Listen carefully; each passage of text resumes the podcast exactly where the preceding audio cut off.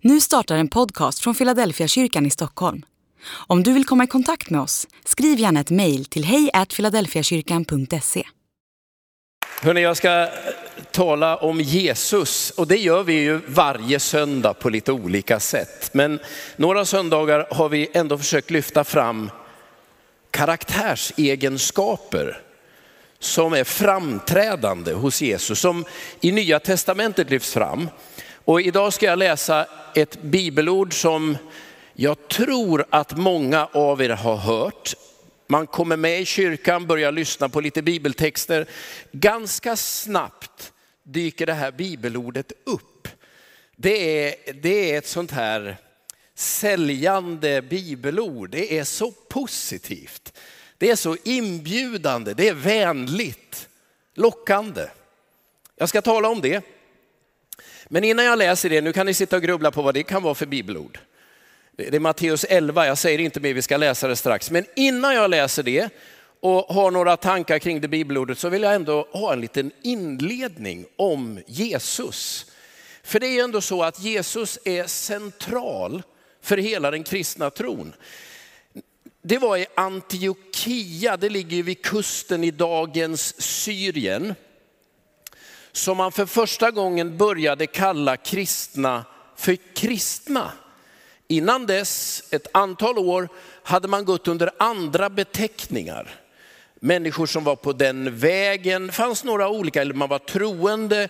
Men i Antiochia, någonstans på väg upp mot Turkiet, där blev det en knutpunkt för den kristna verksamheten. Där började man kalla de kristna för kristna.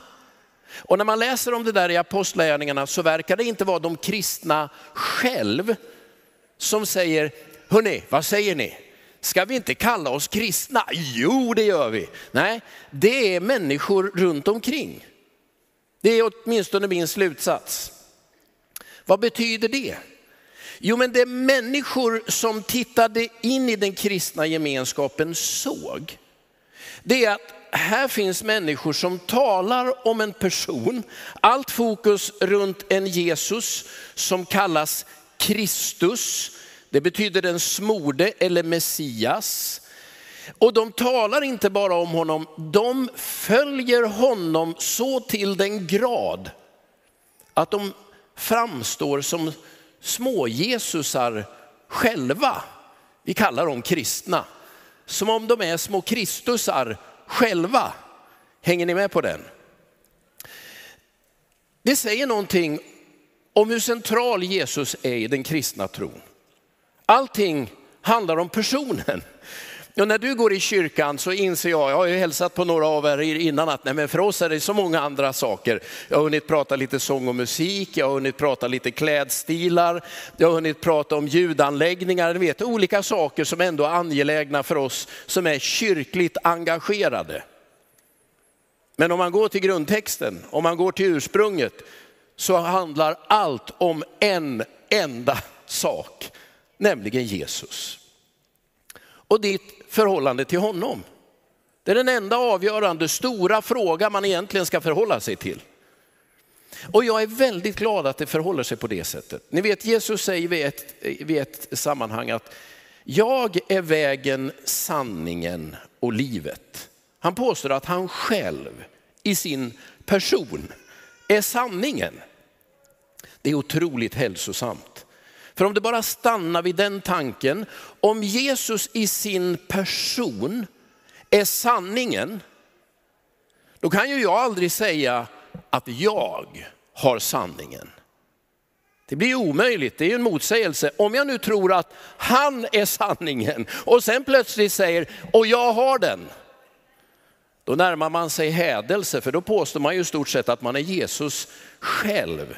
Nej, jag kan däremot söka sanningen, jag kan stå i en relation till sanningen, jag kan försöka lyssna till sanningen, jag kan vilja lyda sanningen, men jag kan aldrig säga, jag har den.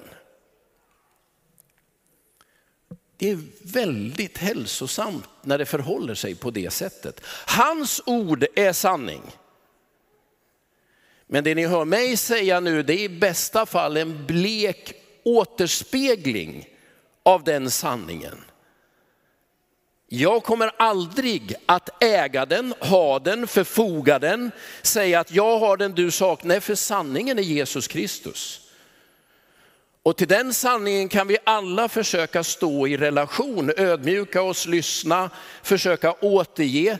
Men den dagen vi plötsligt säger, nu har jag tagit patent på det här, ser du. Och vill du veta hur det förhåller sig med sanningen så kan du läsa böckerna jag har skrivit. Det är ju ett bra säljargument, men det är aldrig sant.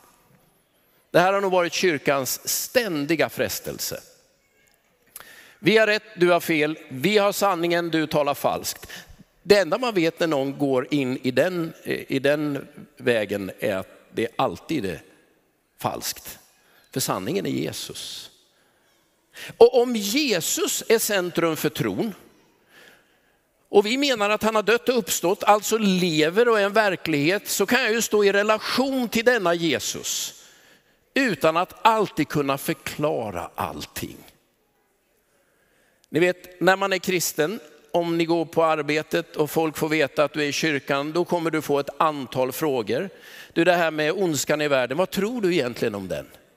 Kan det finnas en god Gud när Putin fortfarande härjar och människor lider och dör? Och så är det svältkatastrof på gång, var finns Gud nu? Vad tror du egentligen? Och så, så tänker man, jag har faktiskt inte svaret på det där. Och vad tror du om, eh, om jordens uppkomst, evolution, skapelse, berättelse? Hur, vad, vad är ditt egentliga ställningstagande i detta?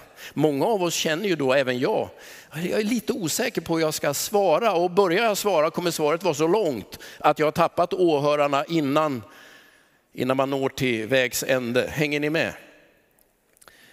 Om kristen tro hade varit en förpackning med intellektuellt innehåll, ett antal punkter, dogmer. Det är det här, det är det här, det är det här. Hade vi ordnat en kurs där ni hade fått gått, gått igenom alltihopa och lära er att svara. Det är det här jag tror på. Ja, boken här är det innehållet.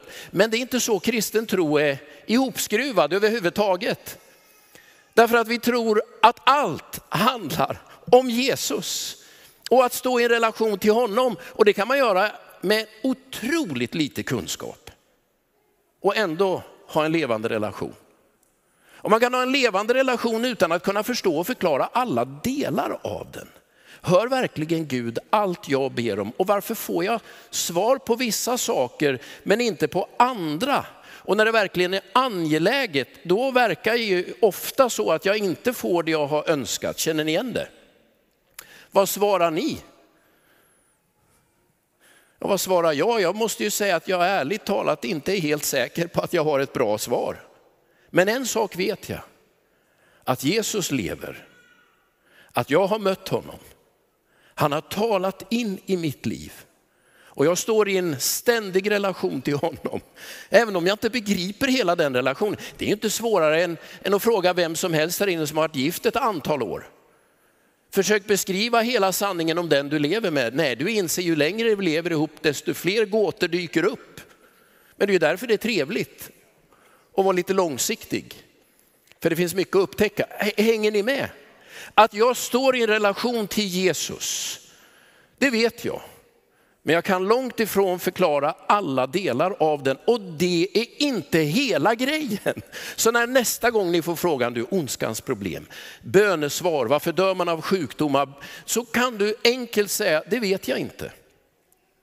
Kan ju försöka någonting, det har vi gjort genom 2000 år utan någon större framgång.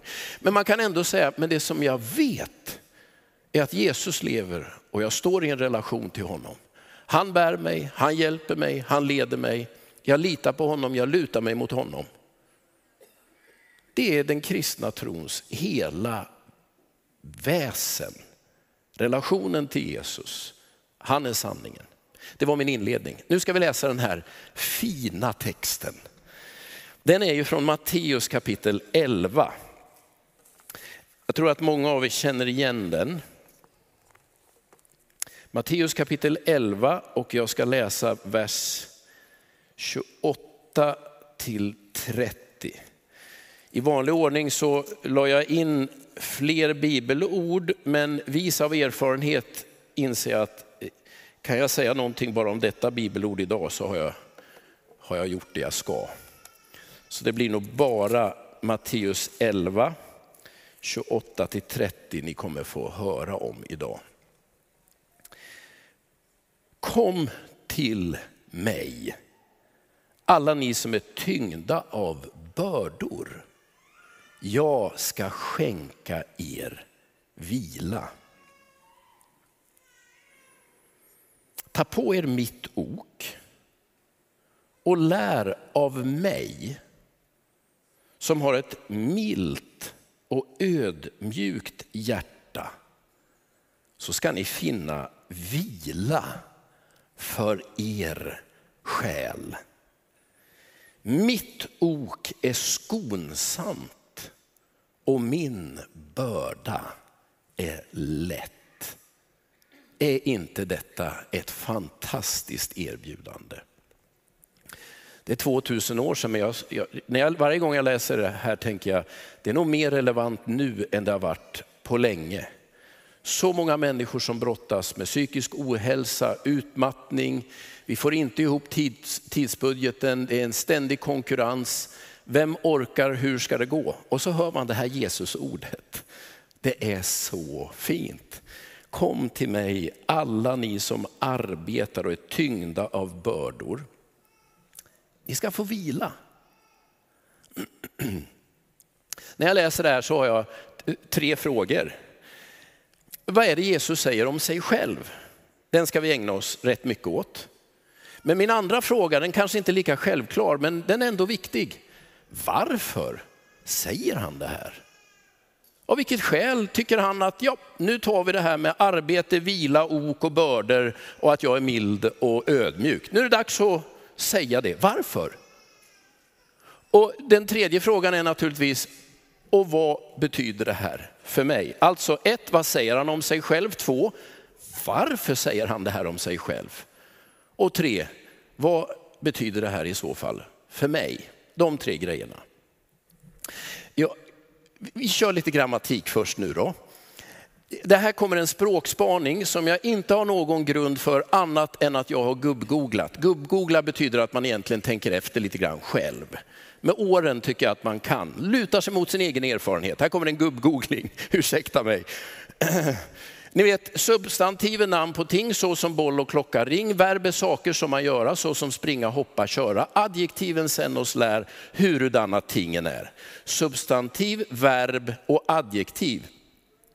Min, min gubbspaning nu är ju att substantiven de står sig rätt väl genom tiden. Substantiv det är ju namn på grejer. Ett träd det är liksom ett träd, även efter 2000 år. Eller hur? Nycklar är nycklar, de ser annorlunda ut men en nyckel är en nyckel. Ett träd är ett träd, ett hus är ett hus, vatten är vatten. Det är inte så stora förändringar. Verb de står sig också. Det dyker ju upp nya verb, ni vet googla. Skulle man sagt det på Jesu tid då hade ju folk hymlat med ögonen och tänkt vad har han fått i sig nu? Okänt begrepp. Det uppstår ju nya aktiviteter men springa det var ju samma då som nu. Gå, tala, se, ingen skillnad. Men när man kommer till adjektiven, de här orden som beskriver någonting, då är det plötsligt sankmark. Då ändrar sig allting och det ändrar sig ganska snabbt över tid. Ni har ju några av er hört lite yngre kollegor komma upp här och säga, nu ska vi ha fett kul. Då sitter man om man är något äldre och tänker, fett. Hur ska vi nu förhålla oss till den här informationen? Eller var en grym kväll. Är det positivt eller negativt? Grym är ju ett ord som mer sakligt sett är rätt så negativt laddat. Men det är klart när man hör det i munnen på människor som är något yngre så inser man här har ordet skiftat betydelse. Adjektiven beskriver ju någonting och det där, det där är rörigt och då vill jag säga det är det man upptäcker när man läser Bibeln. Och ni som nu, några av er har läst 1917 års bibel och får en ny översättning, Bibel 2000. Nya testamentet kom 1981 och nu är det snart dags för en ny översättning. Jag lovar, verb är verb, substantiv är substantiv, men adjektiven, de kommer vara helt förändrade. Jesus höll ett grymt tal, lärjungarna sa vilken fett budskap. Det är, det är en tidsfråga innan det kommer stå så. Hänger ni, hänger ni med? Förlåt mig.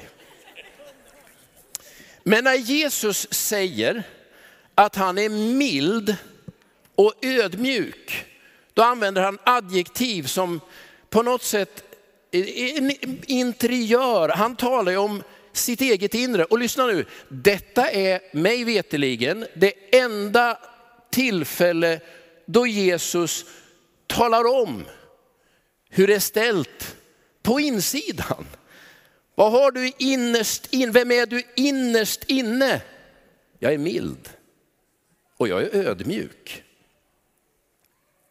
Men några av er nu då igen som har varit med ett tag, ni vet ju att det stod inte så i 1917 års översättning.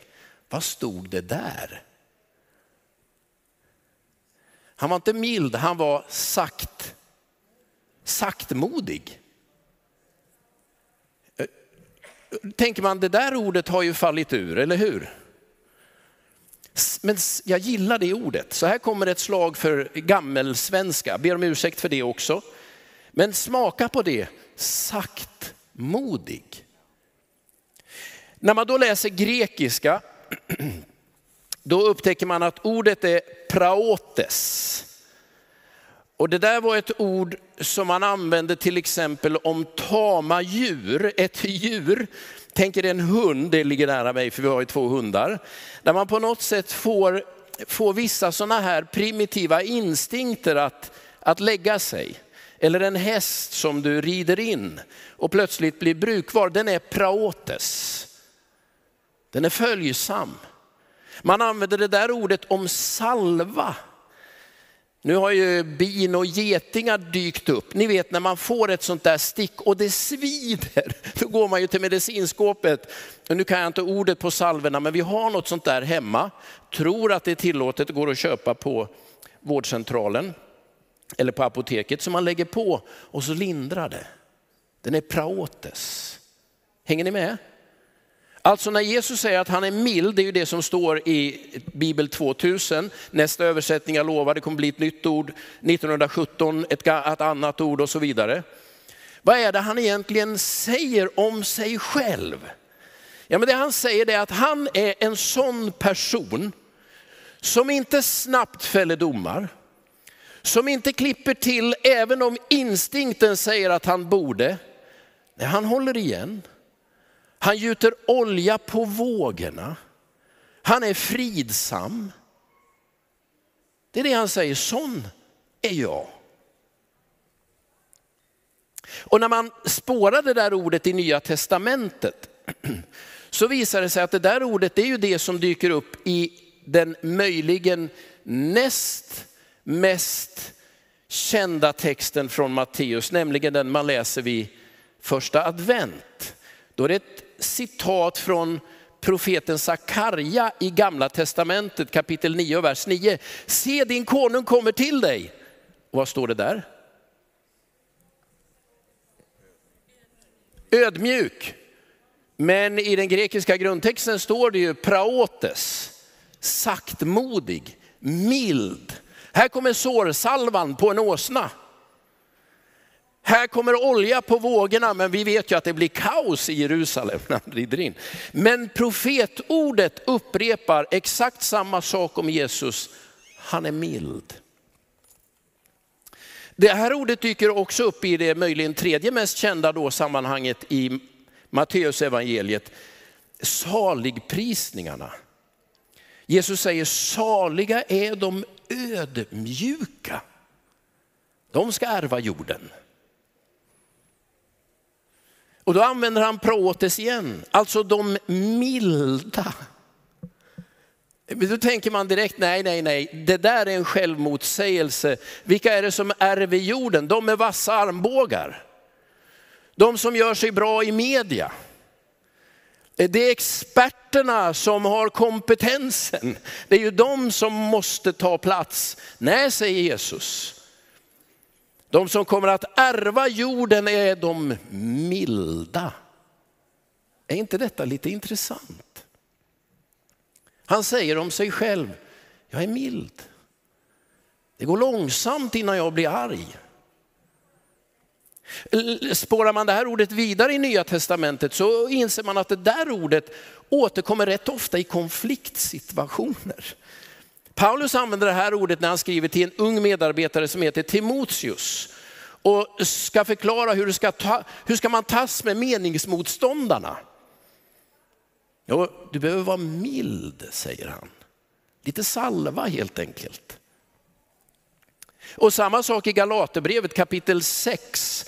Där Paulus i första versen vill beskriva hur man ska göra med de som har trampat i klaveret. Nu är det någon som har kört i diket ordentligt igen. Nu måste vi ta, nu blir det räfts och rättarting. Hur, vilket ord bör besjäla den som ska ta hand om en människa där livet har gått i kras? Den måste vara praotes, mild. Vilket inte betyder otydlig, undfallande, men mild. Detta säger Jesus om sig själv. Är inte det skönt? Han är mild. Och så säger han ödmjuk och ödmjuk. Jag brukar alltid blanda ihop dem. Han är ödmjuk och mild, men han är mild och ödmjuk. Jag tror inte ordningsföljden har så stor betydelse. Lyssna nu, ödmjuk.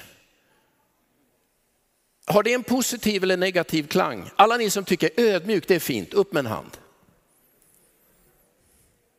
Och någon här inne som tycker det ordet suger. Här kom det igen.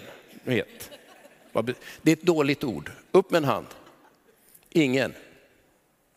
Eh, nu sa jag ingen så fort, så fort så att ingen skulle hinna få upp handen. Vi alla har ganska positiva referenser till det ordet, eller hur? Men när du, läs, när du läser, eller om du läser övrig antik litteratur från den hellenistiska världen, så kommer alla ord att vara negativa. Att vara ödmjuk är att vara vek, undfallande. Det är ett dåligt ord. Bara dåligt. Jag skulle påstå att ordet ödmjuk och den koppling det har hos er och i hela den svenska kulturen än så länge är en tydlig referens till kristen tro. Varför tycker vi att ödmjukhet är bra i Sverige? Ja, det har bara med en enda person att göra och hans inflytande över oss och vår kultur. Det är Jesus. Om man tittar på det där ordet så är det där ett ord som, som antyder någon som är stukad. Någon som har gått igenom svårigheter, motgångar, lidande, uppförsbacke. Jag vet hur liten jag är. Jag vet hur skör jag är. Och så säger Jesus, sån är jag. Jag är mild och jag är ödmjuk. Det är det här du kan hitta i referenser i andra bibelord. Det finns ett bibelord, nu tar jag det lite fritt ur hjärtat, men det är Hebreerbrevet 4 och 15, 16. Där säger författaren att vi har ju en överstepräst som, som inte är oförmögen att känna med oss i våra svagheter. Han har nämligen varit precis som vi, men utan synd. Låt oss därför frimodigt gå fram till nådens tron och be om nåd och förbarmande i den stund vi behöver hjälp. Vad är det han säger? Jo, men när livet har kört över dig och backat, när ditt självförtroende är tryckt i botten, när allt du har tänkt du kunde visa sig vara falsk varudeklaration. Jag vet inte vem jag är, vet inte vad jag kan, vet inte vad jag duger till. Då kan du frimodigt träda fram för nådens tron och säga hjälp. För du har någon som känner med dig. Varför? Han är ödmjuk. Så är det någonstans du ska tänka att kristen tro fortfarande har stort inflytande över vår kultur och hur vi tänker. Då ska du tänka på ödmjukhet, för i hela den antika världen var det en förkastlig egenskap. Där skulle man ta plats, brösta upp dig, stå på dig. Det är det man ska göra. Hängde ni med? Detta är jätteviktigt. Var kommer det ifrån? Från en enda person. Okej, nu kommer min andra fråga. Varför säger han det här? Av, vilket, av vilken anledning tycker han att nu ska vi lansera? Nu behöver jag berätta lite om hur det är möblerat i mitt inre, så ni vet vem jag verkligen är. Jo, men om man läser hela kapitel 11 och hela kapitel 12 i Matteus evangeliet så inser man att det är bara konflikt. Först talar han i kapitel 11 om Johannes döparen. Och så säger han till folket, vad var det ni gick ut för att titta? Han var ju en publikmagnet. Det var ju verkligen ett event nere vid Jordan. Men ni var ju inte intresserade av vad han sa eller vad han gjorde. Ni lyssnade ju inte på honom, ni lät döpa er men levde vidare som om ingenting hade hänt. Och sen använder han en, eh, en bild som är lite svårbegriplig. Vi spelade sånger men ni ville inte dansa. Vi sjöng sorgesånger men ni ville inte klaga. Man tänker vad är det här? Han refererar till barnlekar. Det fanns två tydliga lekar i Palestina på den här tiden. Det ena var att man lekte bröllop. Då spelade man och så dansade alla. Eller så lekte man begravning. Det var ju de två stora händelserna i byn då alla var engagerade. När någon gifte sig eller någon dog. Och då säger Jesus, eh, när någon gifter sig då är ni inte nöjda och när någon dör då tycker ni inte det är bra heller. Alltså hur vi än vänder på steken så är ni alltid missnöjda. En bister slutsats, men det räcker att jag går till min egen spegel och tittar där en stund så inser jag att det är ganska sant. Var det bra? Nej, det var bättre förr, men det, det var inte bra då heller. Känner, känner ni igen det? Det är som om Jesus säger, vad jag än gör. Och sen efter det så har han en lång harang där han skäller ut en massa städer där han har varit, gjort under och predikat. Ve dig Betsaida, ve dig du Korasin. Det hade varit bättre för Sodom och Gomorra än för er. Här har jag gjort mirakel, här har jag predikat och ni tar inte emot. Sen kommer det här som jag har läst, det trevliga lilla inskottet. Sen kliver man över i kapitel 12. Nu rullar eländet vidare. Han botar en man på sabbaten, det blir ju kaos igen. Hans lärjungar tar lite ax på sabbaten, då blir det bråk igen. Sen driver han ut onda andar ur människor som har varit besatta. Vad säger man om Jesus då? Nej, det är djävulen själv, kolla det är Belzebul. Belzebul var ett sånt där flugornas herre, ni vet, det värsta man kan komma på. Äh, det är han.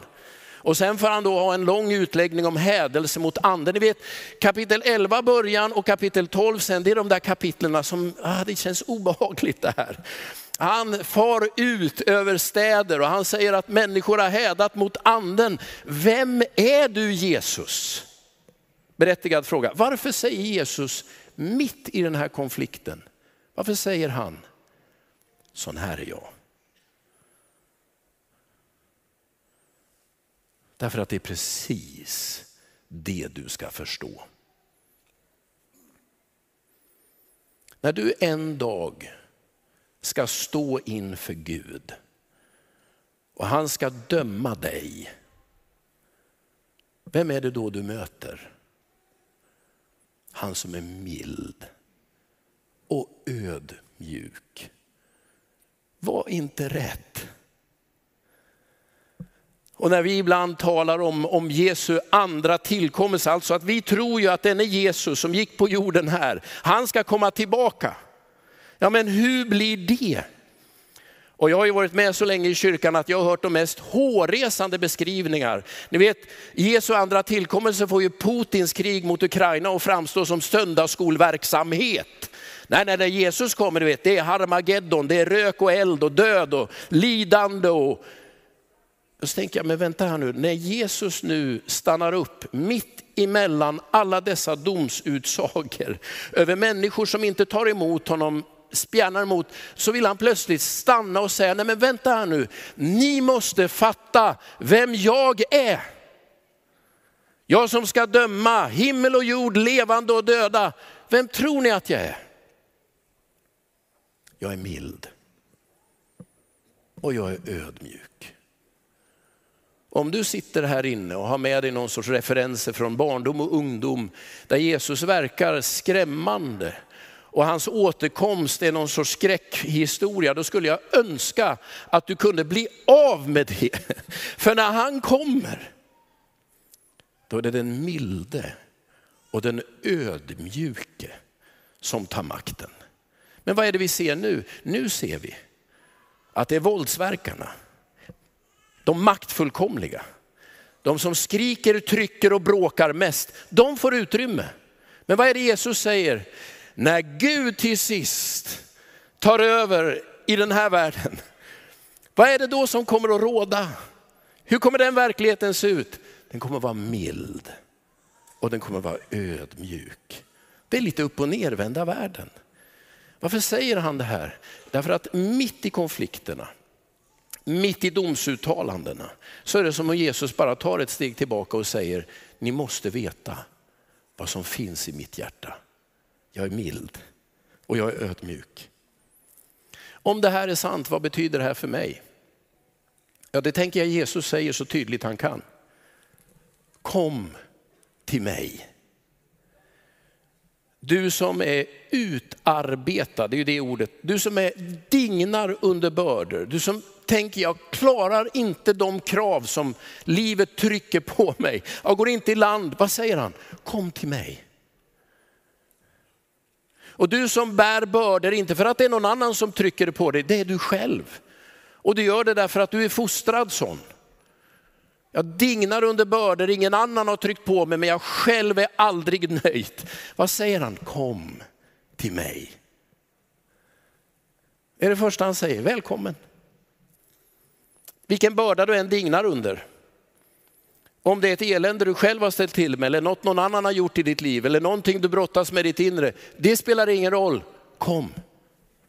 Och så säger han, lär av mig. Varför är det viktigt? Vi lär ju av så mycket annat idag. Vi lär av det vi ser på tv, på Netflix och på andra streamingtjänster. Vi lär oss en värld full av konflikter, intriger och maktspel. Då säger Jesus, nej, nej, nej, nej, lär av mig.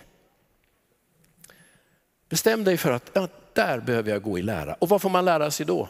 Mildhet och ödmjukhet. Och så säger han en tredje, ta på dig mitt ok. Och det där betyder ju att faktiskt axla någonting. Och det finns ju lite olika förklaringar. Någon har sagt att det är att bära oket tillsammans med Jesus. På ena sidan går han, på andra sidan går jag. Paulus använder ju ordet ok när han i något sammanhang talar om ett äktenskap. Han säger gå inte i ok med otroende. Och då, då menar han, tänk dig för vem du gifter dig med. För ni kommer att hamna under samma ok. Vems ok hamnar jag under? Hur går det här nu då? Jo, men så här, ta på dig mitt ok. Min börda är lätt. Han säger det att mitt ok kommer inte att skava, bokstavligt talat säger han så. Det blir inga brännblåsor när du bär mitt ok. Men det betyder ju att ta på sig ett ok, det är att tänka jag går ett steg närmare. Och jag kan komma till Jesus, sen går jag igen. Jag kan lära av honom men sen lyssnar jag på annat. Nej, ta på dig oket också. Tänk att nu, nu axlar jag på det här. Det är ett medvetet, bägge de här tre, eller alla de här tre sakerna är ju en tydlig uppmaning till oss. Ett, kom till mig. Två, lär av mig. Tre, ta på dig oket. Och det är min inbjudan till dig idag. Första steget är naturligtvis att tänka, jag behöver komma till Jesus.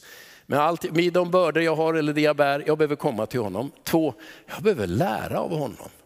Och det är därför jag säger att jag fortfarande är en lärjunge, därför att jag är fortfarande i skolbänken. Jag behöver lyssna, jag behöver kalibrera mitt inre. Lär mig Jesus. Och det tredje, jag vill gå i ok med dig. Vem kopplar jag med mig? Jag vill koppla med dig Jesus. De tre sakerna tänker jag att jag vill inbjuda dig att på nytt igen bara ställa dig inför. Jag kommer till honom, jag vill lyssna, lära av honom och jag vill ta hans ok.